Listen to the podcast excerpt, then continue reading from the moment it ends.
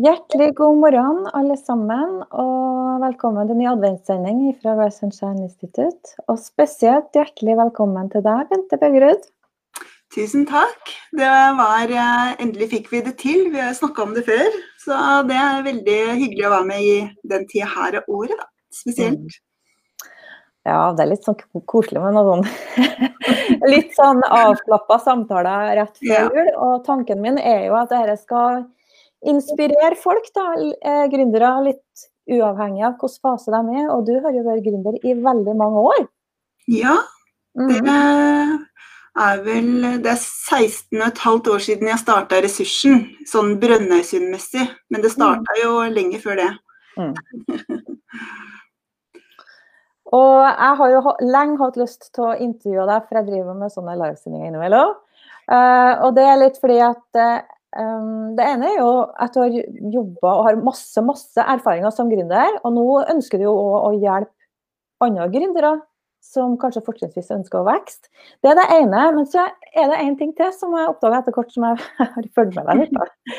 Og det er at du har en La oss kalle det filosofi eller en verdiforankring i måten du driver business på, som jeg syns eh, det står veldig stor respekt av. Og som jeg tror er veldig viktig for å lykkes. Det er ikke det eneste som er viktig, men jeg tror det er veldig viktig for å lykkes. Uh, og så tror jeg òg det er viktig, ikke minst i forhold til at uh, folk rundt, eller i og rundt bedriften din da, skal få kunne tatt ut sitt potensial. Du har jo masse ansatte, og mm. dere er masse kunder. Um, så det har jeg òg litt lyst til at du skal snakke om, fordi at det tror jeg vil styrke dem da, som òg har eh, sterk verdiforankring i sin business. Det vil styrke dem som har det. Og så vil det inspirere andre folk til å kanskje gå i den retningen, for det tror jeg er viktig for næringslivet i Norge. Da. Ja, det er jeg helt enig i. Altså, det er litt sånn morsomt du sier det, fordi jeg tenker ikke så mye over det eh, i det daglige. Fordi det er, det er bare sånn. Eh, og samtidig, når jeg forberedte meg litt til i dag, jeg er sånn masse gule lapper her på jeg må passe på å si, sånn. eh, og da er jo verdiene er jo eh, alfa og omega når det stormer også, i forhold til året vi har vært eh, igjennom og dagene som kommer. Mm. Så er det jo alltid verdiene som er filteret på hvilke avgjørelser jeg tar, og hvordan jeg går over dørstokken på jobb, faktisk. Mm. Ja. Um, og jeg tenker at det blir bare viktigere og viktigere. Mm. Uh, uh, og vi har jo verdier alle sammen, så det er jo, det er jo ikke noe sånn som er forbeholdt noen få. Nei, men jeg tenker også det at uh, det er der vi arbeidsgivere, da, nå er jeg jo heldig å ha mange kollegaer, så, men uansett om man har kollegaer eller er alene, så er man jo aldri alene, for man ønsker jo noen kunder i hvert fall. og da er det jo noe med også å velge, velge kunder, i hvert fall etter hvert, da, som har eh, Som går også gjennom det verdifilteret. Sånn at ikke vi jobber med kunder som eh, er et helt annet sted enn der vi har vårt verdigrunnlag. Og det tror jeg gjør forskjellen i markedet eh, også framover. Mm. Mm. Ja, for det er jo ikke sånn at en nødvendigvis må ta imot hvilken som helst kunde som kommer rekende på ei fjøl. Vi Nei. er bedriftsledere. Vi kan bestemme sjøl hvilke kunder vi vil jobbe med. Uh, og Det har sett jo en veldig stor forskjell for en del av dem jeg har jobba med, når de har blitt bevisst på at de kan velge sine kunder. Mm. Og jeg tenker også at eh, i hvert fall i starten så var det sånn Da var det bare Gi meg kunder. jeg trenger penger. Det var jo litt sånn. Men jeg bestemte meg ganske tidlig på eh, hvor lenge jeg skulle holde på på den måten. Så jeg satte tall på det, da. Når jeg har fått så mye inntekt, så skal jeg begynne å velge kunder. Mm. Så jeg valgte aldri noen bort, men jeg fasa kunder ut. så det var jo Kunden fikk jo ikke en oppsigelse. Men eh, det ble sånn rolig av, av registrering, da. Og sånn gjør vi jo ennå. Selv om eh, i Ressursen, da, som er mitt gründerselskap, så er det jo barnehager som er kunder. Men det er ikke hvem som helst barnehager. Barnehager er, eh, det er differensiering der òg. Mm. Jeg tenker det, hvis det Ja, nå hører jeg deg dårlig. Bare litt greier her. Da ble det bedre, tenker jeg. Jeg må ha den her på. Eh, det jeg tenker da, det er at eh, hvis, spesielt hvis du er i startfasen, så er det med å velge sine kunder ganske avgjørende. Både for å få den energien da, som du mm. trenger, og for å, å få de riktige tilbakemeldingene, sånn at du videreutvikler konseptet ditt i en retning som eh, blir bra for businessen. Da. Mm. mm. Men sånn som jeg Jeg hadde jo ikke noe mål om å bygge noe stor bedrift i det hele tatt når jeg starta det var Jeg trengte jobb eh, sjøl. Og så, eh, så jeg starta bare et enkeltpersonsforetak og leide meg sjøl ut som førskolelærer. Og så balla det litt på seg, som jeg sier. Så, det, så greip jeg muligheten og laga et uh, firma, et AS, og så bare Ja. Så jeg har vokst med veksten, da. Aldri hatt en sånn stor gründerdrøm, men uh, ja, vi skal sikkert snakke litt om det underveis. Mm. Ja. Men Si litt om eh, oppstarten, og hva gjorde at du etablerte Barnehageressursen, da, som var den første bedriften din, og som nå du har bygget opp til et ganske svært firma? Ja, det har blitt, eh, blitt stort. Vi, eh, I går så fakturerte vi halve desember, og da har vi nå bikka 55 millioner i år. Faktisk, Så vi har jo blitt en stor, stor bedrift, men vi, vi føler oss ikke så høye på det. Vi er ganske, ganske like som når jeg starta. Vi gjør mye av det samme. Men det som når jeg starta, så fant jeg ut at eh, jeg kunne også leie ut, finne flere kollegaer, da. Og alle er kollegaer her. Det er ikke noe sånn at uh, Jeg har ikke tittel i signaturen min engang. Det er helt uvesentlig for meg å ha det. Det kan være noen ganger når jeg må få en kunde til å forstå poenget, at jeg kan ta med administrerende direktør bare for å statuere et eksempel. Det kan jeg gjøre. Sånn bare sånn Nå er det nok. Nå må du på en måte Og da, da blir det som regel stille, eller at jeg um, blir behandla på en annen måte pga. en tittel, og det syns jeg er helt uh, ja, Jeg liker ikke sånt. Uh, og det er vel litt noe med verdiene mine, som du sier.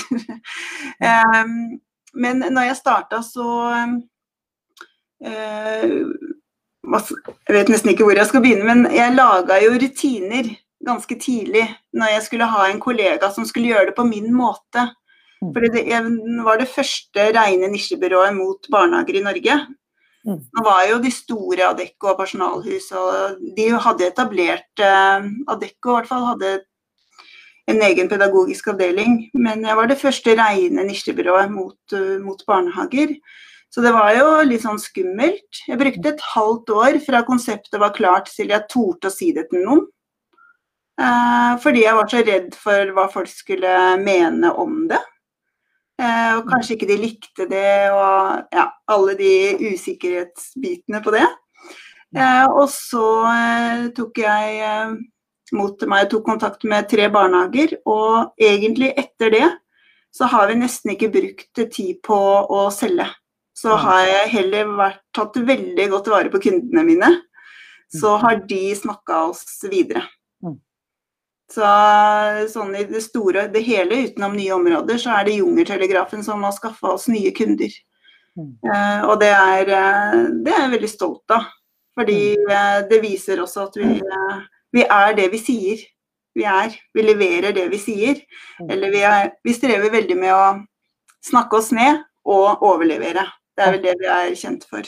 At vi, ja, det er ikke sikkert det funker hos dere, men vi håper på det beste. Si fra hvis ikke det gjør det, og så er det hallelujastemning når vi ringer på ettermiddagen. Så mm. det er eh, Det syns jeg er en god inngang på uansett hva man skal. Det er jo sånn jeg tenker også nå, når jeg skal starte noe nytt. Mm. Ja, jeg syns det er en helt fantastisk innstilling å ha. Um, og da får du en bedrift som Eller da får du på en måte produkter som Eller et konsept da, som selger seg sjøl. Mm. Fordi at du gjør Du legger til rette for at dere overlever, og så er du veldig edru edru i kommunikasjonen din. kanskje heller under, under selv enn å overselge. For det er jo veldig mange ute som gjør det motsatte. Ja, ja, ja. Og det er, det er ingenting som er bedre når konkurrenter gjør det. Mm. For det, de skal alltid det. Men en ting som jeg også har gjort, eh, som er eh, som litt, var litt tøft i starten. Nå er jeg sånn Hei, det er kult. Eh, men det var at jeg valgte å være dyrest i markedet hele tiden. Fordi kvalitet koster. Så jeg var alltid én krone dyrere, og betalte alltid én krone mer i timen til eh, vikarene. Så det var noe med å få en litt sånn pondus på kvalitet, da, som var verdien vår fra, eller min fra starten, eh, og er fremdeles det. Kvalitet ennå som er eh, én verdi, Ja. ikke noe annet. Og så definerer vi. Mm. Og pris er jo et veldig sterkt kommunikasjonssignal, kanskje spesielt til dem som ikke kjenner til oss. da. Og det er klart når du er i oppstarten, så er det jo da er det jo ingen som kjenner til det dere leverer. Jeg kjenner jo på det nå, når jeg skal starte noe nytt. Så tenkte jeg oh shit, hvordan, eh, hvor skal jeg legge meg i prisleie og sjekke konkurrenter? Jeg sjekker deg og sjekker Man, man sjekker jo alle. Og- Du må, du må ikke sjekke meg, for jeg ligger for lavt. Ja, det gjør, det gjør nesten alle. Og så er det noe med Jeg vet hvordan det er å være gründer, så jeg brukte alt jeg kunne av gratis. Og det er jo der jeg sitter nå. Hva kan jeg gi gratis, sånn at eh, de kan se hva jeg er god for, da. Fordi jeg unner alle den suksessen som, som de ønsker seg. Det ikke, jeg tror det er veldig få som ønsker seg 55 millioner, kanskje på bok, men ikke jobben det er å komme dit. så mm. Jeg, jeg vet ikke hva du har hatt lyst til å snakke om i dag, men jeg tror du er en jeg tror kanskje at du blir litt nødt til å snakke om det òg, den jobben. Fordi Ja, ja. eh, det er en stor jobb. Mm. Og for dem som tenker at de skal bli gründer, og det skal gå kjapt, fort og lett, trapp, kjapt, trygt og billig, ikke det? Kjapt, trygt og billig. Sånt. Ja. Eh, så jeg tror jeg, den delen av gründerhistoriene våre er viktig å få fram. Ikke sant? Vi kan si at jo, her er det, nå har hun bygd en bedrift med så og så mange ansatte, tjener 55 millioner i året siste år. Eh, og så videre, ikke sant? Det kan vi fokusere på. Det er jo viktig. Det, Ja, det har skapt mye, men det har òg vært en del arbeid for å komme dit. Du har, gjort, du har allerede rukket å sagt en del om de kloke valgene du har gjort i forhold til verdier, i forhold til å overleve og Mm. ikke overselge, ikke sant? sånn at folk får da den boosten, dette løftet, i forhold til forventningene sine. Uh, og verdiene du har hatt i forhold til det å, å være en del av gjengen med dine ansatte. Ikke sant? Ikke noe sånn Mm. ovenfra og ned, det er sånn lederskap på gulvet. Ja, det er sånn eh, vår, Vårt organisasjonskart er sånn. Eh, hvor jeg er nederst som uh, eier. Og så er det styreleder, og så er det daglig leder, og så er det konsulenten, og så er det vikarene. For vi er ingenting uten de. Det er de viktigste folka mine. Det er vikarene våre. Ja, Det er jo dem som skaper resultatene ut der hos kundene. Ja, ja. Det, og de er ambassadører, og de er jeg, er jeg er så god som den dårligste vikaren. Mm. Så det er hele tida den dårligste vikaren, eller den som kan bli bedre, som er mitt fokus. Mm. For det, det er så god jeg er. Så alt jeg kan gjøre for at han skal bli det beste av seg, Mm. det er uh, vårt fokus. Det er det som er kvaliteten vår ned til meg, da. Og det er uh, Ja. Men det er som du sier, at det å få en uh, på papiret suksess, da, som det egentlig er Nå har jeg også friheten til å skape noe nytt. Så jeg har tidsfrihet, og det er veldig deilig. Men det har jo det har tatt mange år. Mm. Veldig mange år. Eh, og det har jo kosta. Det har kosta masse. Eh, på, på mange måter, egentlig, de, de åra som har gått. Da. Det kan jeg snakke mange timer om. Jeg vet det, jeg begynte å tenke ok, hvor lov? Det trenger ikke å være siste gangen jeg spør deg om å være med. og bli med. Men jeg, jeg, tror, jeg tror som Jeg vet ikke om det var dit du hadde tenkt å gå, men jeg tror mange har en sånn, litt sånn glorietanke om det å være gründer. For det, ja, og da skal jeg være min egen sjef og tjene mine penger og ta fri når jeg vil og være sammen med barn og så, reise og gjøre alle de tingene der. Og så Det drømmer jeg om ennå, så jeg håper jeg får det til en dag. Så, um, men det er jo litt sånn eh, eh, kort fortalt, jeg tok ikke ut noe særlig lønn på tre år. De tre første åra. Det var så vidt jeg fikk eh, Jeg tok ut sånn at jeg betalte min del av huslån. Mm. Eh, og så eh, lånte jeg noen penger av svigerfar for å etablere AS. Det var jo 100 000 den mm. gangen. Det veldig mye penger. Mm. Eh, jeg var jo ny kjæresteemne, eller vi hadde akkurat blitt kjærester når jeg starta. Mm. Så um, det er liksom mange sånne, sånne ting. Um, ja. Og vi ønska oss barn. Aborterte ja, jeg vet mange, mange ganger før vi endelig fikk uh, Oscar. Uh, og det er litt sånne ting som kanskje man ikke tenker så mye på rett fra sykehus og så på tidligvakt uh, etter sånne ting som er sorg, da. Eh, men man må jo gjøre jobben. Mm. så det, det, har jo kosta mye sånne ting. Pluss eh, jeg har fått disse to barna, da. Hadde to uker permisjon med han eh, første fordi jeg ikke klarte å sitte. Og så hadde jeg en uke med Marte som kom to år etter. Mm. Så fikk mannen min hjerteinfarkt og er hjertesyk. Og så, liksom, så det er jo veldig mange ting som skjer underveis, og så må man bare takle det. Så det er nå på en måte jeg begynner å tenke hei, nå skal jeg endelig gjøre det jeg har lyst til. Etter eh, nesten 17 år, da. Mm. Så det tar, tar, litt tid, og så må man bare ha gode folk rundt seg. Jeg tror jeg aldri hadde klart det her uten gode folk. Og det er ikke mange, men de er gode. Mm. Ja, du trenger ikke å ha en hel bataljon hvis du har noen som er skikkelig hel ved, og det riktige for deg, da. Det er akkurat det for å bygge nettverk. Det er jeg ganske god på. Jeg er ikke så god på å vedlikeholde nettverket, fordi det tar så veldig mye tid. Når jeg først har eh, tid jeg kan bruke, bruke til bare meg sjøl, så er det ikke alltid jeg trenger å være sammen med folk. Jeg har, mine, har definert mine lunger, da. Det er en sånn gründerting, kanskje. Uh, at uh, man må finne sine lunger. Mm. Det blir som venninner, da eller venner eller kamerater. At en har en som er en sånn sosialvenn som alltid klager og trenger råd, og som du aldri får så veldig mye energi av, men som også er viktig i en gjeng. Ja. Eh, for å være der for dem. Og så er det de som bare surrer og tuller, og du bare fjaser. Og drikker champagne og bare surr og tull. Ikke noe alvor. Så er det de du kan diskutere ideer med, de du kan grine hos de du kan skryte til. Så vi har jo sånne venne, venner. Mm. Eh, og også gründervenner. Mm. Uh, du er en oase, Bente, av uh, Jeg sitter bare og suger TV.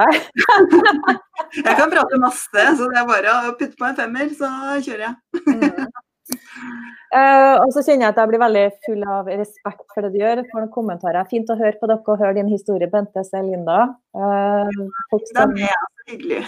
mm. Mm. Uh, og du har jo så mye læring å dele, og det er det du tenker å få gjort noe med nå.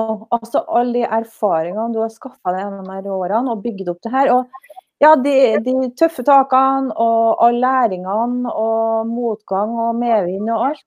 Det ønsker du jo på en måte å, å hjelpe andre som er ja. med. Ja, fordi jeg tror mange drømmer om den suksessen som eh, folk tror jeg har, da. Og jeg har det på papiret. Det er veldig viktig å tenke på at det er ikke sikkert at selv om man omsetter for så mye, at det er så innmari bra. Fordi eh, en er jo sliten også.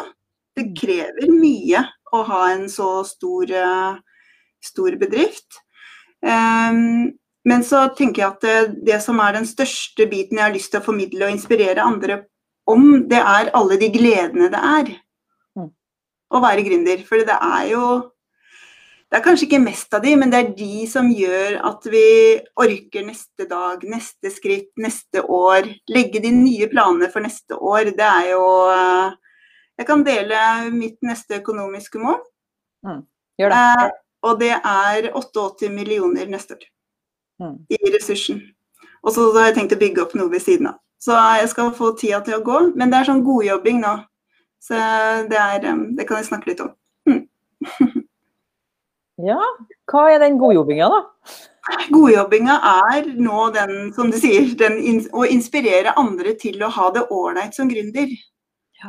Jeg vil at du skal snakke litt om det, selv, fordi jeg hører at du har en oase der.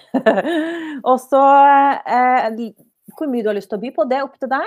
Men jeg tenker, gi dem som hører på, ser på både nå og i opptak, en liten smakebit på det. Hvis du eh... Ja. Det er um, det er voksegleder, sånn de som har kjent meg i mange år, og der jeg har holdt litt foredrag og vært i gründergrupper og sånn, så er det voksegleder jeg har på en måte Å ja, ja, Bente, jeg er blitt bedre på å feire nå. For det er litt sånne Det er det som har vært min uh, suksess for at ikke jeg har møtt veggen, tror jeg. Mm. For det har jeg ikke gjort. Jeg har fått skrubbsår og lagt meg ned og sovet foran en vegg og funnet stiger og komme over og tatt bilde av dører sånn at jeg er klar hvis finne, finne løsninger på det. Men jeg har ikke møtt, møtt den veggen. Vært, vært, egentlig veldig heldig, men jeg tror det egentlig er fordi jeg er så bevisst på å mm. feire ting underveis. Og det kan være alt fra å sitte og registrere 2500 linjer for fakturering, det er jo ikke moro det. Men det er jo penger i det, så det er en stor motivasjon når jeg kan trykke på knappen til slutt. Men da har jeg sånne småfeiringer på ja, bare jeg er ferdig med G nå, så skal jeg gå på do. Og når jeg er ferdig med L, da skal jeg gå og lage meg en ny kaffe. Ja. jeg sitter jo og gleder meg til, til sånne småting. Eh, det største feiringen som jeg bestemte meg for etter jeg hadde start, eller holdt på noen år, det var å ta med meg folka mine, eller ha så god økonomi i firmaet at jeg kunne ta med meg mm. folka på kontoret da, eh, til Paris. Mm. Når jeg fylte ti år, det var noe jeg jobba hardt for. Og vi var i Paris, vi var på Moulin Rouge, og vi var vi bare Vi svømte i champagne, tror jeg, i tre dager. Eh, men målet med det var å kunne dele av suksessen den økonomiske suksessen da, også mm. til folka mine. For jeg hadde ikke klart det uten dem. Så skal jeg ta med det at eh, når du kommer hjem, og så Da har jeg betalt alt. Absolutt alt. De, ikke, de betalte for én lunsj sjøl. Ellers så betalte jeg alt. Mm. Så kommer jeg hjem, og så er det en ansatt som eh, kommer med en taxiregning på syv euro. Lurte på om hun kunne få det. Og det, hvis jeg eh, ikke hadde hatt et klart mål med den turen, så tror jeg jeg hadde gått i kjelleren. Ja. Og sånn Nå må du FI deg. Vet du hva du har fått? Liksom. folk, er, folk, er, forskjellige. Noen har jo ingen. Ja. Og det eh, Hun jobber ikke her lenger, da, for å si det sånn. Fordi vi var ulike på verdi eh, plutselig. Ja, men, da, men, jeg betalte 20 euro med glede. På en måte, for jeg tenkte OK, sånn er du, sånn er ikke jeg. Det er greit. Og så tar vi konsekvensen av det. Men, men det jeg skulle fram til, var egentlig det å ha gode mål med den feiringa også. For da blir du ikke skuffa. Fordi du har jo gjort målet ditt. Det var det som var målet. Det var å ta med meg folka, ha økonomi til det, og spandere sus og dus i noen dager i Paris. Så det er, og jeg bruker ikke tid på å være sur eller gretten. Det er Jeg har ikke tid til det. Ja, men det tror jeg er en av grunnene til at du har klart å skape det du har gjort. fordi at de som bruker mye tid på det, da ja.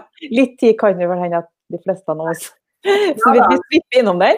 Ja, ja. Eh, men de som bruker mye tid på det, de mister jo energi på ja. gjennomføringsevnen sin, på det å få løfta og ta tak i utfordringene sine. Det tar enormt mye energi. Så det tror jeg er Du sa flere ting, og du sa det at du er flink til å fylle på. Ikke bare for deg sjøl, men for teamet ditt. Du, mm. du, du, gjør det. Om det er små eller store ting. Det trenger ikke å være Paris hele tida, men det var ti år da. Ja. Du, fyller, du, passer på at dere fyller litt på. Mm. Og så um, er du litt bevisst på hva du bruker tida di på, kan det stemme? Ja, veldig. Det er veldig, veldig tids... Eh, og det er jo Vi har jo hatt eh, Eller det er jo alltid Eller det kommer ofte litt sånn personalting som eh, vi kan bli litt satt ut av, da. Mm. Eh, og da Jeg har jo hatt hadde en case i fjor som var sånn Å, herregud, skal vi bruke så mye tid på det her nå? og da bestemte bestemte meg hvor lang tid skal jeg bruke. OK, jeg bruker fram til tirsdag klokka ti, da. På å galle og plage og su surmule med folk og sånn, og så må jeg gå videre. Mm. Så det må jo sette av tid til å være litt sur òg. Det er veldig ålreit. Eller lei seg eller sånn. Og så må man bare gå videre. Men, og, det, og jeg gjør det, da. jeg må bare si det, jeg tror det første jeg har hørt om som har satt av tid til å være sur. De fleste er ikke så strukturert på de fleste av oss. Men det er smart, fordi at da er du bevisst på det at OK, nok er nok. Jeg må, jeg må få lov til å ha menneskelige reaksjoner. Ikke sant? Jeg er ikke noen robot. Men nok er nok. Mm. Det er noe med det, og da, men da tar jeg ikke det opp igjen heller. Da er jeg ferdig. Mm. Og så, da er vi videre. Bare finne en løsning. Eh, så det, og det, det høres litt sånn hardt ut kanskje, men det er sånn det funker, altså. Eh, så veldig tidlig så bestemte jeg meg for å ikke ha dårlig samvittighet. Mm. Fordi eh, jeg hadde jo en eh, sønn som var 15 da jeg starta. Flytta til et nytt sted. Han skulle finne sitt miljø. Kom borti folk som ikke mammaer er glad i. Eh, og begynne å feste, det er jo en sånn vanlig ting som skjer når du er 15-16-17 år. Så det var litt sånn eh, pluss eh, Ja. Så har man jo Eller jeg hadde litt sånn dårlig samvittighet for å jeg burde vært mer hjemme, jeg burde vært litt mer sammen med svigerforeldra. Burde, burde, burde. Så tenkte jeg de gangene jeg tenker sånn, så må jeg gjøre noe med det. Mm. Eh, Så jeg valgte veldig tidlig å ikke ha dårlig samvittighet. Mm. Og det tror jeg har redda meg eh, gjennom de åra her. Mm. Fordi eh, de gangene de tankene kommer, de kommer jo ja, sånn som i dag, så er det siste skoledag før juleferien. Jeg har jo to, nå er de ti og tolv år. Jeg ønsker å være der når de kommer hjem med kakao og boller, jeg òg. Eh, eller så, som jeg valgte, A, gaven i dag, den kommer på SMS når du kommer hjem fra skolen. så får du litt ekstra penger til å kjøpe på spill. så kan jeg kjøpe meg litt tid her på kontoret. Men det er sånn, de er jo overhappy. De er kjempeglad for å ha litt Fifa points eh, og kunne spille litt eh, på dataen. Så det, i stedet for å ha dårlig samvittighet for at jeg burde ha vært hjemme klokka ett i dag, så eh, man kan kalle det kanskje å ha kjøpt meg litt fri i dag, da. Eller at jeg kan avtale at vi er sammen i morgen og baker pepperkaker, liksom. Så bare takle den dårlige samvittigheten som kommer eh, flygende. For vi, kanskje spesielt vi damer, er gode på dårlig samvittighet, da. Det er ikke det jeg vil være kjent for. Mm. Jeg, jeg, tror du har et poeng der, altså. fordi at eh, nå kan jeg snakke for ei dame, da. Men jeg har ganske mange kvinnelige gründere som kunder. Mm. Eh, og det er nok litt kjønnsforskjeller fortsatt på det, altså. Det er nok, Ja. ja, det, er nok det.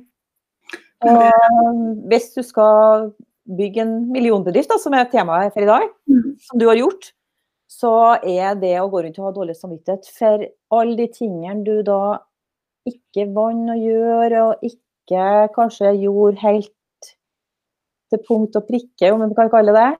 Mm. Eh, og ha dårlig samvittighet for det, det er veldig, veldig mye bortkasta energi. Altså, vi er jo skapt for å få dårlig samvittighet av en grunn. Vi skal prøve å bli bedre mennesker i forhold til ditten og datten. Og det er fortsatt ulike forventninger til kvinner og menn når det gjelder hva er en ordentlig dame og hva er en ordentlig mann.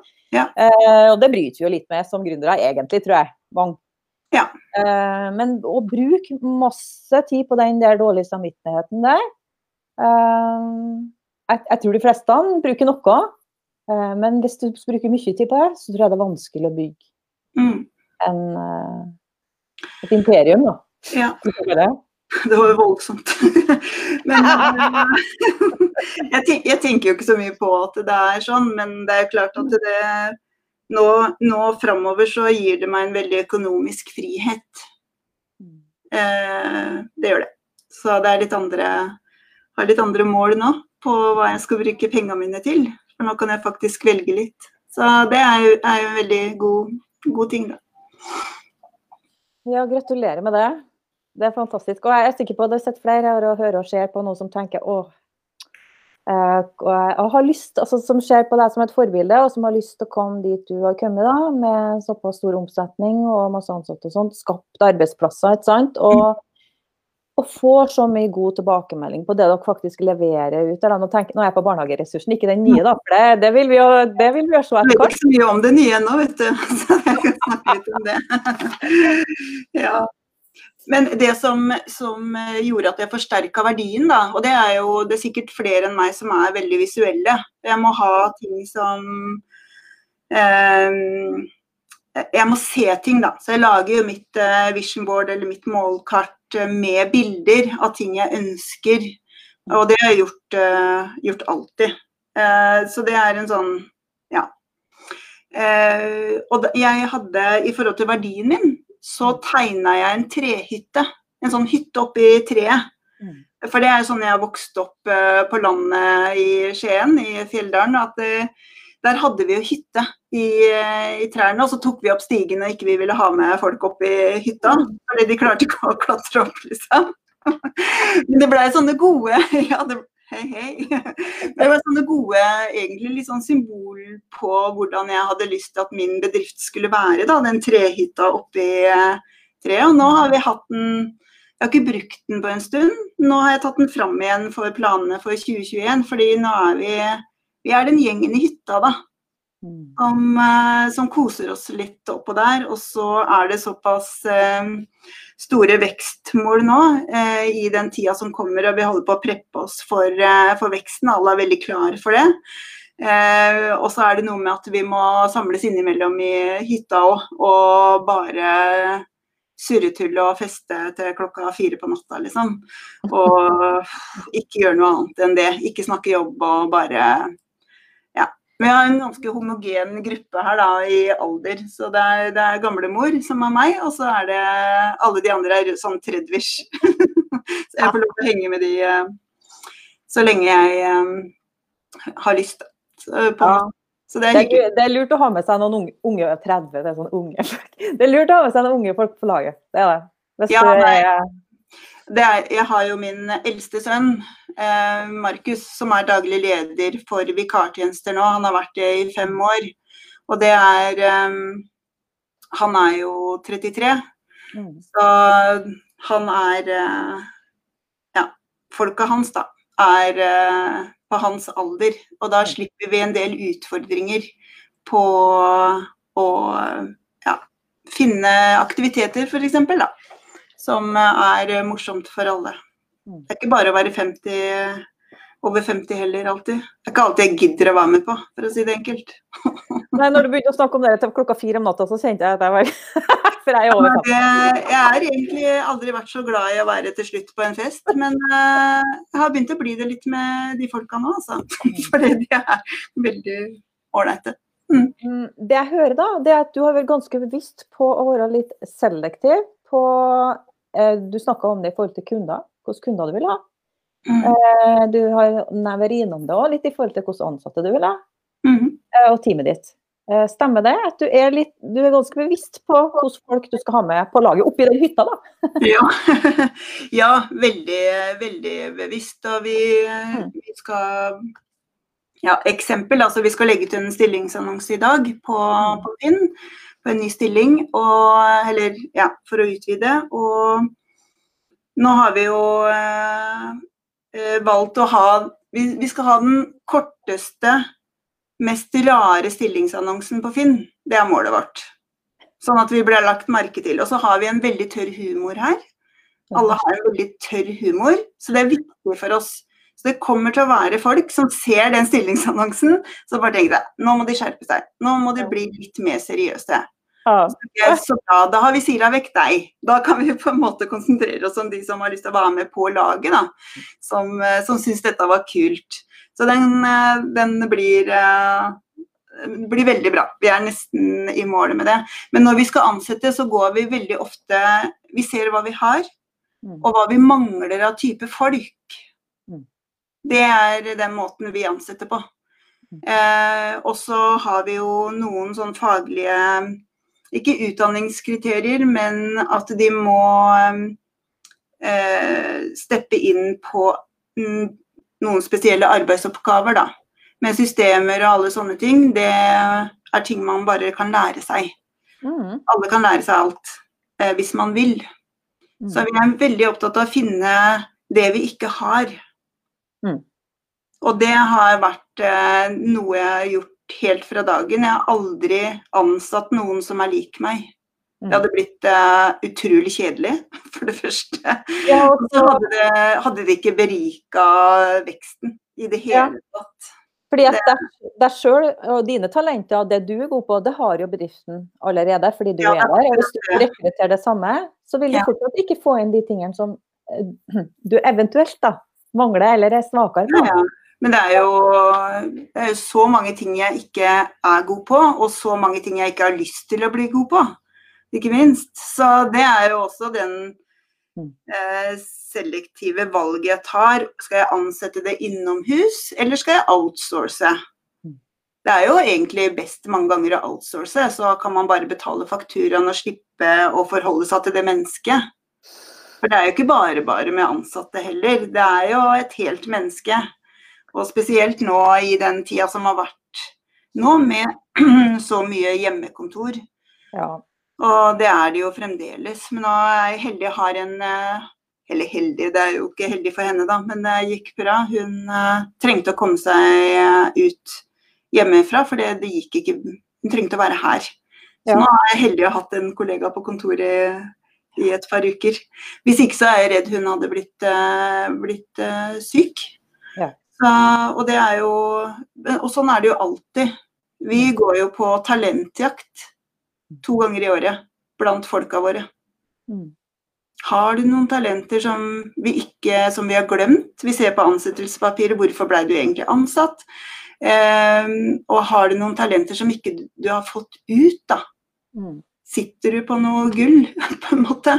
Og det, det kom fram et par ting nå som ikke vi visste, Mm. når vi hadde den talentjakten nå eh, før desember, da. Mm.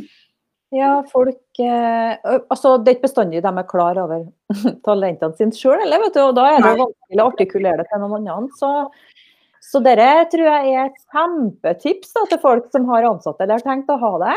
Det er å gjøre noen sånne små, enkle ting som det du har gjort. Og jeg, det smarteste jeg har hørt om, var det dette med humoren. ja, Eh, men det er viktig. Det er faktisk kjempeviktig. Du kan ha enorme utfordringer. Altså, noen har jo vært borti det nå koronaperioden, og det har jo dere, det vet jeg jo.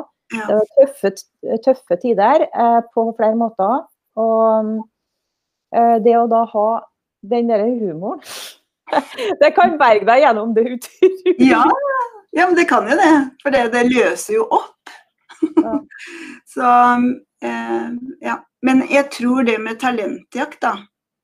Eh, eller å ansette seg sjøl også som en konsulent inn i sitt eget firma, også når man er aleine. Det har jeg veldig tro på. At man kan ta en dag, og så om man fysisk må ta på to, to ulike hatter, eller eh, skifte stol på der man sitter, eller Og på en måte nesten intervjue seg sjøl. På å si ja, hva er du god på, får du gjort det du tenker? Og så intervjue seg sjøl som gründer og bare shit, er jeg på rett sted nå, eller må jeg gjøre noen justeringer for å trives bedre? Og det er jo fantastisk hvis du kan gjøre det. Klarer du å gjøre det på deg sjøl? Ja, jeg er ikke så god på som jeg later som nå. Fordi at jeg klarer ikke det. Jeg, jeg kan være rågod på å stille gode spørsmål til andre folk. Ja. Eh, men eh, jeg skal ikke ha akkurat de samme utforminga sjøl. jeg. Nå ble jeg litt eh, nysgjerrig hvordan du gjorde det. Ja.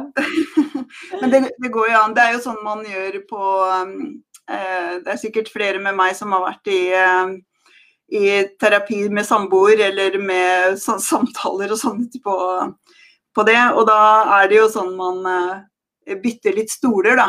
Og setter seg i samboer, eh, eller samboerskapet sin stol. Hvordan kan det se ut nå fra den vi-et og ja, det er, det er veldig mange ålreite ting, men jeg tror det er veldig mange som har lyst til å bare være seg som gründer. Og ikke har noe mål fordi man kanskje har hatt ansatte i tidligere jobber og jeg orker ikke det lenger.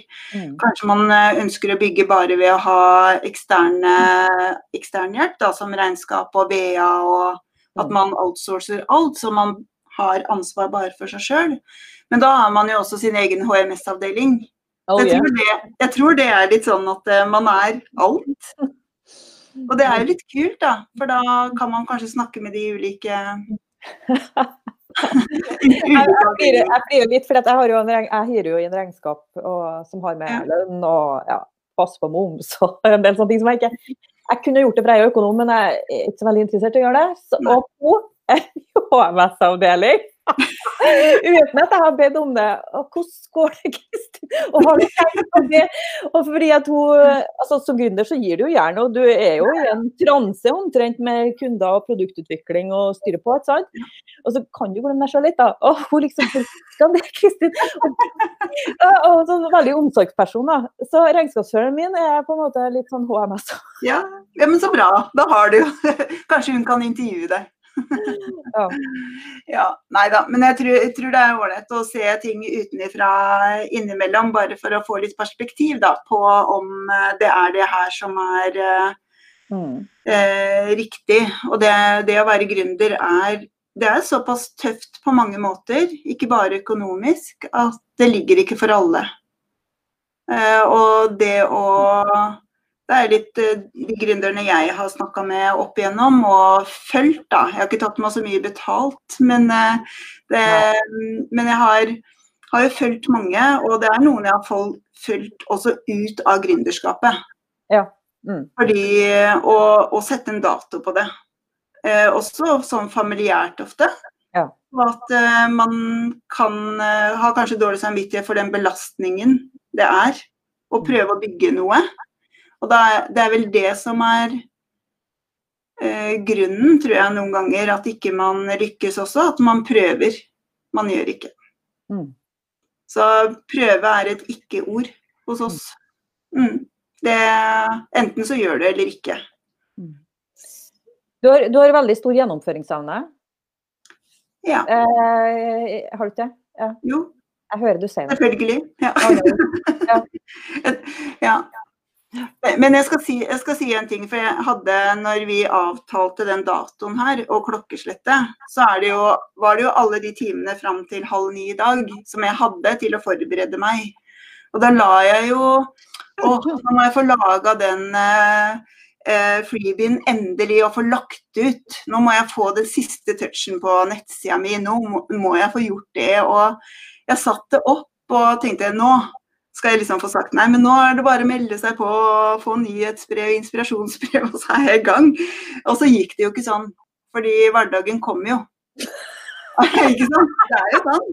Det er, jeg kan jo være et oppspill Men uh, Bente, bare så det er sagt, jeg bruker å legge ut link til de gjestene jeg intervjuer. Uh, det er opp til deg å velge hvor, hvor ja, folk kan finne mer. På det, ja. uh, så vi, om du ikke har alt klart, så finner vi noe som kan gi folk en fors forsmak på det du egentlig har tenkt. ja, men, så, men, det jeg skulle fram til, det er litt sånn at sånn er livet. Ja. og jeg skal, um, vår, eller min svigermor hun døde på mandag. Oi. Og det er klart at det, det farger jo hverdagen vår veldig. Det gjør det. Og når det skjedde på mandag, sånn litt sånn endelig for henne, så, ja. så er det litt sånn Hva kan jeg avlyse i uka som kommer? Det er jo en veldig sånn kjapp ting. Og jeg vurderte ja, nei, det er en ting som hadde vært helt greit å si fra om at vet du hva, det passer ikke nå. Ikke sant? Det er noe alle forstår. Det ja, det, det, hadde gått fint, ja. Jeg hadde bare ja, funnet noen andre jeg, jeg trengte den der ekstra giret til å få, få, kommet videre med det nye, da. Fordi det er veldig For jeg må ikke gjøre det. Ja. Det er stor forskjell på hva jeg har lyst til og hva jeg må. Her så sitter vi med tre permer som skal gås gjennom før uh, 31-12 på refusjoner til Nav, liksom. Og det må vi gjøre. Ja, det må dere. Ikke sant? Det er, og det er, det er, vel, når du sier gjennomføringsevne, så er jo det Hver fredag så setter jeg meg ned med Markus. Mm. Eh, og begge to er like stressa. 'Å, fy fader, jeg har ikke fått gjort det denne uka her heller.' 'Å, jeg skulle ha gjort, jeg skulle ha gjort.' Ja. Mm. Men hva må vi gjøre før vi går hjem? Mm. mm.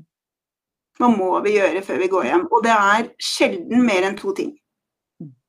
Veldig sjelden. Det er sant. Å bare stille seg det spørsmålet er nok.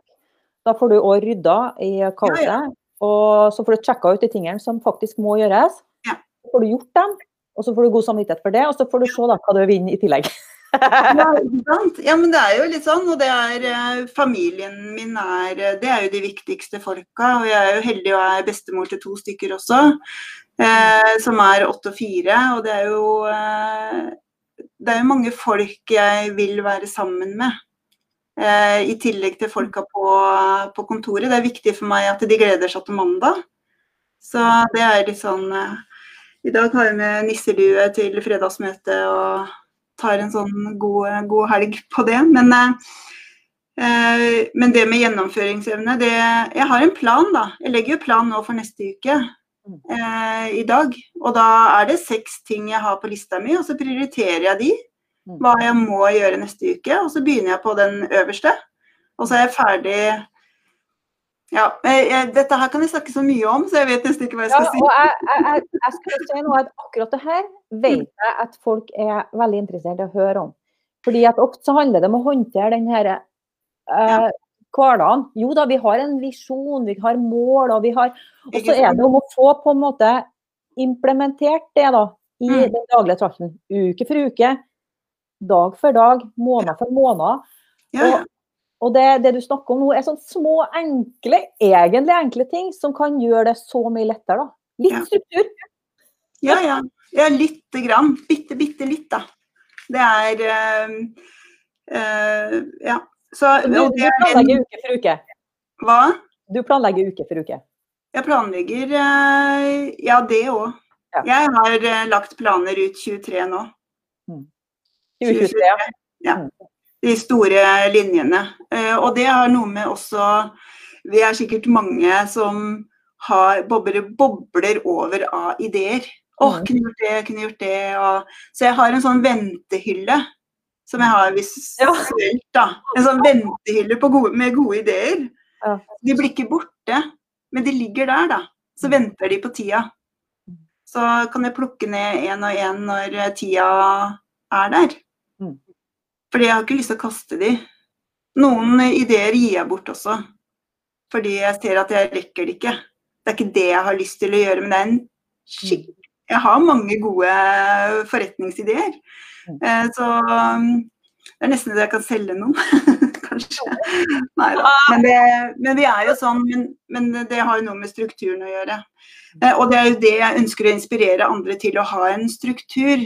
Eh, men også med de voksegledene. Man må ha struktur på voksegleder også. Jeg har en feiring da, på det jeg skal lage ferdig denne e-boka, da, som blir greia. Det er en, en, en bok. Og den er nesten klar. Ja. Eh, når jeg er ferdig med den, og jeg legger den ut Her kan du laste ned. og Gi meg mailadressen din, det er jo hele greia. Eh, så skal jeg spise operamynt. For det har jeg ikke spist på mange år, så jeg har kjøpt meg en pose med operamynt. Og det koster 59 kroner. En sånn pose med bare noen få drops. Det er helt sykt. Men jeg gleder meg så til å spise den, eh, de dropsa. Har du den hengende liksom som, som en gulrot framme? Sånn? jeg ligger på kjøkkenbenken og klar. Men det er, sånn, det er sånn bitte små feiringer som betyr mye for meg. da. Det er sånn, Bare jeg snakker om det, så kjenner jeg den smaken av de operaene mine. Det er sånn bitte, bitte små ting som, eh, som gjør at eh, jeg blir motivert. da. Og i tillegg så håper jeg jo inderlig at det kan inspirere andre til å komme enda nærmere sin økonomisk frihet. Mm. Eh, og hva det er, det aner jeg ikke. Det er ikke så viktig heller, men at man vet det sjøl, og at man jobber seg dit. da. Mm. Nei, men jeg tenker jo bare å få tilgang en time eller ti timer, eller en, en, gruppe der du er med, eller et eller annet sånt, er jo en oase til inspirasjon. Hvis du er da en type gründer som ønsker å gjennomføre ting, mm. som ikke bare ønsker å prøve, men som ønsker å gjøre. Ja, det, det er bra. og det er, ja. Så det, det, er det som blir eh, konseptet mitt, da. Det er eh, et uh, gruppecoachingkurs i første omgang, sånn at jeg får uh, kvalitetssikra nettkurset som kommer til å rulle og gå. Og det kurset det heter 'Ansatte til glede eller besvær'. Ja, veldig bra. Fordi, og det handler egentlig, første delen handler om du egentlig trenger å ansette. For det er ikke sånn At man alltid trenger det. Nå er det jo Nå er vi blitt så gode på nett nå, at vi Det har på en måte løsna mye for mange den tida som har vært nå. Og det er Jeg snakker bare om koronafordeler, fordi jeg er så lei av alt annet prat om denne covid-19. At det, nå må vi ta vare på fordelene mm. som det gir oss. Og det er bl.a. at vi er gode på nett nå. Vi er ikke så redde for kamera lenger. Det og, og, det som er, det er at også kundene våre er gode på nett nå. Målgiverne våre, samarbeidspartnerne våre er gode på nett. Mm. Kursleverandørene, de vi ønsker å lære av, er gode på nett. Ja, så det er, eh, er jo helt gull. Så det er det jeg eh, jobber med, men eh, ikke minst også kunne gi, gi gratis. Sånn fordi jeg, lik, jeg unner folk den suksessen.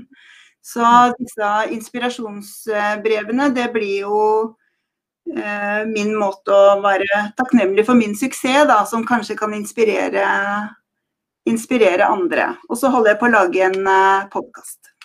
Mm. Så det gleder jeg meg veldig til. Jeg hadde egentlig hadde et mål om å lansere første juledag, det rekker jeg ikke nå, fordi nå ble det litt begravelse og litt andre ting som jeg ja, livet skjer. isteden. Så det, jeg har ikke satt noen ny dato, men uh, den, uh, den, kommer når uh, hva, heter den? Voksegleder. Den heter Voksegleder. Eller heter den Voksegleder? og det er, det er Voksegleder for gründere som ønsker suksess. Mm. For det, er, det er jo en grunn til at jeg har spurt deg om å være gjest hos meg i dag, og det er jo at jeg står jo fram, jeg står jo fram om den fasen sjøl. Yeah, uh, skal vi ansette, skal vi ja. Nå har den blitt litt forsinka pga. det, det spesielle året vi har vært igjennom. Yeah. Uh, for min del, men uh, jeg kommer nok tilbake til deg i forhold Så jeg har litt sånn egeninteresse i det akkurat det her inntil. Du får noen hyggelige kommentarer her. Ja. Veldig fint å høre din historie, sier Jenny. Jeg har faktisk kommet på en ny tanke som jeg ikke hadde tenkt på så ah, så moro. Både inspirert og kreativ, ser jeg. Og digger sier Linda. Ja, så bra. Det var smart. Det er mye kreative gründere, vet du. Vi har jo så mye ideer. ja, men det er jo sånn. Det er eh, Ja, men så hyggelig. Mm og motiveres av å planlegge over mange år, strukturere gode utover, ideer utover tid. Så, eh, så bare ta det tilbakemeldinga her som litt sånn bekreftelse på mm. at det du har tenkt, og det du kommer med, da, som ikke er helt strukturert ferdig, men du er jo full gang med det, ja. eh, er det behov for. Mm. Det er eh, Og en, en eh, hvis vi skal snakke litt sånn markedsfordeler, da. Det er jo Du har jo vært i eh, bransjen i hva da? 20-30 år? Eh, ja. Jeg har, mange. Jeg jobba for andre i da, i, ja. i 2013. Da fant jeg ut at jeg skulle liksom gjøre hele egen regi. Men du har jo jobba med gründere i mange år før du starta for deg sjøl? Mm, jeg starta med når jeg var 22. Ja, ikke sant. Så det er all den erfaringen da, som mm. Eh, vi har med oss, det gjelder jo egentlig fra vi var barn. Mm. Som man kan Det er jo derfor vi gjør det vi gjør. Mm. og det er sånne ting som jeg har lyst til å inspirere på, for det er jo en grunn til uh, at jeg havna her uh, Nå bor jeg på Strømmen, da, eller ved, i Lillestrøm kommune. Det er jo en grunn til at jeg bor her, fordi jeg eh, jugde rett og slett på nettet når jeg skulle finne meg en ny kjæreste. Lata som jeg bodde i Oslo, for jeg hadde lyst til å flytte til Oslo. Så jeg bare lata som, og så Og det er sånn, for det var ingen som gadd å snakke med en eh, jente fra Skien. det var ingen som ville snakke med noen Ja, så eh, fra Oslo, da. Og jeg hadde jo lyst til å flytte. Hvor du kommer fra, altså. Ikke hvilken personlighet du har. Ja, men sånn, sånn, er det, sånn var nettdating. Må huske det er 20 år siden. da. Så det var ganske i starten. Det var før Tinder, for å si det sånn. Ja, Men eh, jeg var jo ganske målebevisst på hva jeg, eh, hvor jeg ville. Og sånn har det alltid vært. Og det tror jeg vi fleste gründere som lykkes eh, er, da. At vi, har, vi kan se en ganske sånn rød tråd mm. på selvstendighet og på kanskje litt særhet. Mm. Eh, og at vi har den gjennomføringsevnen. Og så kan vi alltid bli bedre. Det er eh, et av mine evalueringsspørsmål eh, seinere i dag, da klokka ett. Når jeg setter meg mm. ned og evaluerer, så er det jo sånn hva kan jeg gjøre bedre neste uke? Mm. Og det er, eh, det er, så mye jeg kan bli bedre på alltid. Så jeg må det, velge hva jeg skal Det er ustoppelig rekke med ting som en kan bli bedre på. Så noen ganger så har jeg tenkt at OK, det tar 20 år å bli bedre på. Kanskje noen andre skal få lov til å være god på det for meg. Men jeg er litt opptatt av de særhetene. For det tror jeg er kanskje noe av det viktigste ja. i gründerskap. Det mm. er uh, Altså, vi har jo særheter alle sammen. Ja, ja. Vi er nerd på hver vår ting, ikke sant. Og mm. Og det kan være en kjemperessurs for bedriften din, bare du er klar over de tingene du ikke er noe god på. selvfølgelig. Mm. Så at du kan få noen andre til å løse dem hvis de er viktige for bedriften din. Ja, Eller lærer jeg det. Ja. Men de her nerdegreiene er jeg veldig fan av. fordi jeg tenker at hvis vi prøver på en måte OK, hvis du er god på gjennomføring, f.eks. Og så er du god på det her med å ta vare på dine ansatte og litt sånne ting, og, og, og kunder. Jeg hører jo det. Og blant en lang rekke, ikke sant. Mm. Og hvis du skulle liksom prøvd å lagt lokk på det og skjult det og ikke tatt ut det potensialet, så hadde bedriften din gått glipp av det talentet du faktisk har. ikke sant? Mm. Hvis vi skal prøve å moderere oss, da, fordi at noen andre sier at OK, du er litt too much på du er litt... For vi er jo som regel litt too much på et eller annet. Ja, ja. Heldigvis. Ja. Jeg tenker det er kjempebra, ja, at vi er det. fordi da, vi passer jo ikke sammen med alle. Og det er jo kanskje noe også vi må bare eh, erkjenne da, og være stolte av. Det er mye bedre å bli mislikt av noen enn å oversette alle. Og det er noe som man skal ta med seg. Fordi mm. det er eh, Noen ganger så er vi veldig redd for å ikke bli likt, da. Men eh, det er egentlig veldig bra når noen ikke liker deg, fordi da rører det jo noe. Vi ønsker jo å legge igjen noen følelser. Og de platte følelsene, de, da har de glemt deg. Eh, men eh, følelser som enten er sånn Å, det var veldig koselig, eller fy fader, hun skal jeg i hvert fall aldri høre på igjen. Og det er de følelsene som vi er ute etter. Mm. Og hvis ikke vi klarer å skape de hos kunder eller nettverk, så blir vi en sånn nobody, da. Og det vil vi jo ikke være. Nei. Mm. Uh, jeg, har lyst til å gå litt tilbake til trehytta di. Ja. For jeg tenker Det kan være et litt sånn bilde på bedriften. da. Og hvis det skal skje litt sånn fantastiske ting oppi den der trehytta, så skape noen produkter og få til en kundedialog og gode relasjoner, så er det ikke sikkert at riktig alle som måtte finne på å ha lyst til å klatre opp den stigen, skal få lov til å klatre opp den stigen. Det kan hete uh, Og det, det, tror jeg du har vært god. Du har rett og slett dyrka et fellesskap som er uh, konstruktivt, og som er, har gjennomføringsevne, sånn som du sjøl har. da. Uh, jeg tror det er en av dine suksesskriterier, men nå må du justere meg. for jeg driver... det, er, det er nok sant. Det er jo et av de viktigste personlige verdiene jeg har, det er uh, å være trygg. Mm. Og, og, det er jeg på mitt. Jeg er trygg uh, på mitt. Og så er jeg veldig opptatt av at andre som er sammen med meg, også skal føle trygghet. Mm. Og derfor så passer det veldig inn her hos meg å være veldig tydelig. Mm. Og det å møte en tydelig leder, det er ikke for alle. Fordi eh, er ikke, Det er en ting jeg kanskje burde blitt god på, mener noen. Jeg har valgt å heller ansette en som er personalleder. For jeg er ikke så god på det dillet som noen ganger går til for å nå målet. Det er en av de tingene jeg eh, kunne ha blitt god på hvis jeg ville. Mm. Men, Men har, du, har, du, en mm. tydelig leder, så vil folk bli trygge. Ja, og så har jeg um, heldigvis hjelp av Markus. Vi er veldig ulike, og vi avtaler alltid hvem som er nice guy og bad guy når vi skal ta opp ting.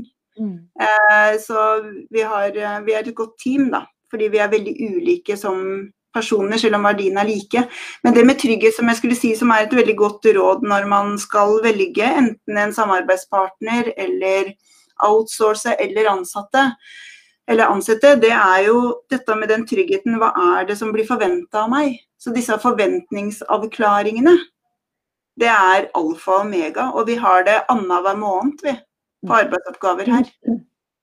På hvem er det som gjør det? Hvordan blir det gjort? Er det forventning ut fra meg som eh, eier og gründer? For jeg vi har jo en sånn greie på at du skal skrive mailer og SMS-er sånn at du blir kvalm. Så hyggelig skal det være. Mm. Det er sånn du føler at bare Å, shit, det var litt overkill. OK, men da er den nøytral når den kommer fram. Mm. Fordi alt blir tolka alltid. Mm.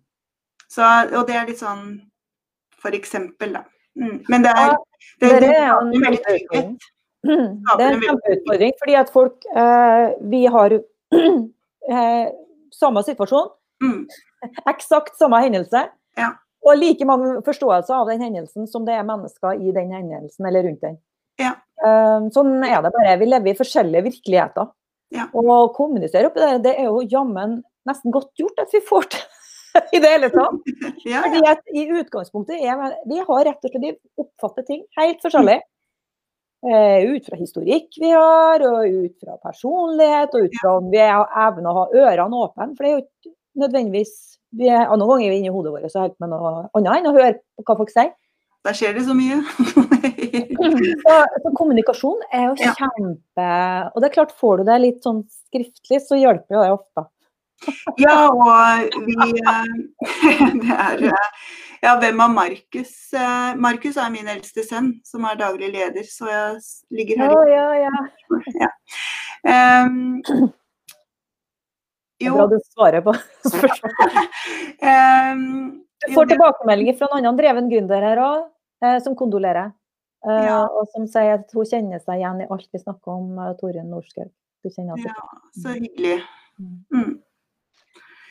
Ehm, det jeg skulle si i forhold til det med å føle trygghet, da, det er også at jeg har en veldig blir litt sånn skryt, men det har en sånn suksessfaktor i seg å være raus på at andre kommer til å gjøre ting på en annen måte enn meg. Mm.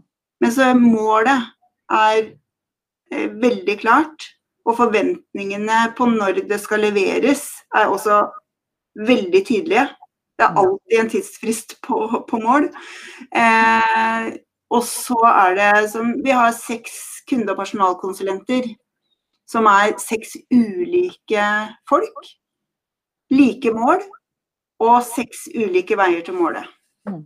Og det er noe med som kanskje vi gründere strever mest med, tror jeg. Det er å tørre at ting skal være litt annerledes enn hvordan vi ville ha gjort det sjøl. Mm. Og det er, eh, hvis ikke vi klarer det helt å gi slipp da, på det, så er det vanskelig å vokse. Mm. Det, mm. Så ser jeg timen har gått nå, nesten. Jeg ser det òg. Ja. Jeg tenker at det var de gode ordene der fikk Ja. være en fin avslutning. Og jeg lover at jeg skal komme tilbake til deg, Bente, hvis du har lyst. ja, og jeg til deg også, så Ja. Eh, Så dere vil høre mer ifra oss i lag. Det skal dere se bort ifra, i hvert fall. For denne timen den strakk ikke helt til. Takk for at du har delt med gjengen her. Og så skal vi legge ut en link til mer fra Bente. Ja, takk. Ja, men supert. Så god jul til alle. alle. Ja, riktig god jul til deg òg, og Ja. kondolerer så mye med svigermor. Mm. Takk, takk. Vi snakkes. Ha det godt. Ha det, ha det. Mm-hmm.